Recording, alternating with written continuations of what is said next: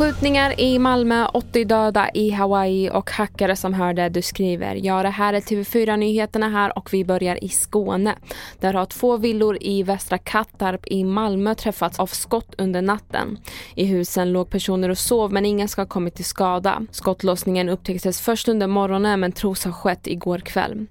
Och även i Helsingborg har ett flerfamiljshus beskjutits under natten och där har ingen heller skadats och polisen ser ingen koppling mellan skjutningarna.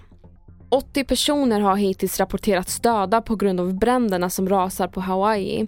Hundratals människor saknas fortfarande och dödssiffran befaras kunna stiga än högre då bränderna fortfarande är utom kontroll.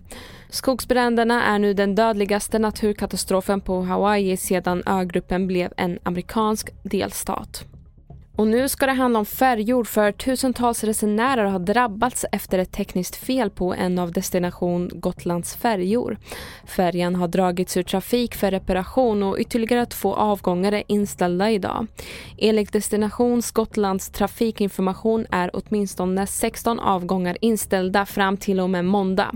Enligt resenärer har informationen varit otydlig och köerna för en plats på nästa färja långa. Jag har, jag har varit väldigt irriterad, nu är jag väldigt trött bara. eh, och känner att jag måste komma hem eh, idag. Så, men informationen är väl inte jättebra, det tycker jag inte. Där hörde vi resenären Katarina Söderlund. Och vi avslutar med en liten halvläskig nyhet, det vill säga att hackare kan nu höra vad du skriver. Det visar en ny studie av brittiska forskare. Ett tjuvlyssnat samtal gav 93% rätt på vilka tangenter som användes. Och tipsen för att förvirra algoritmer och minska risken för att exempelvis få ditt lösenord upptäckt är bland annat att skriva medvetet fel ibland. Och fler nyheter hittar du på tv4.se eller i appen och jag heter Merjem Jamil.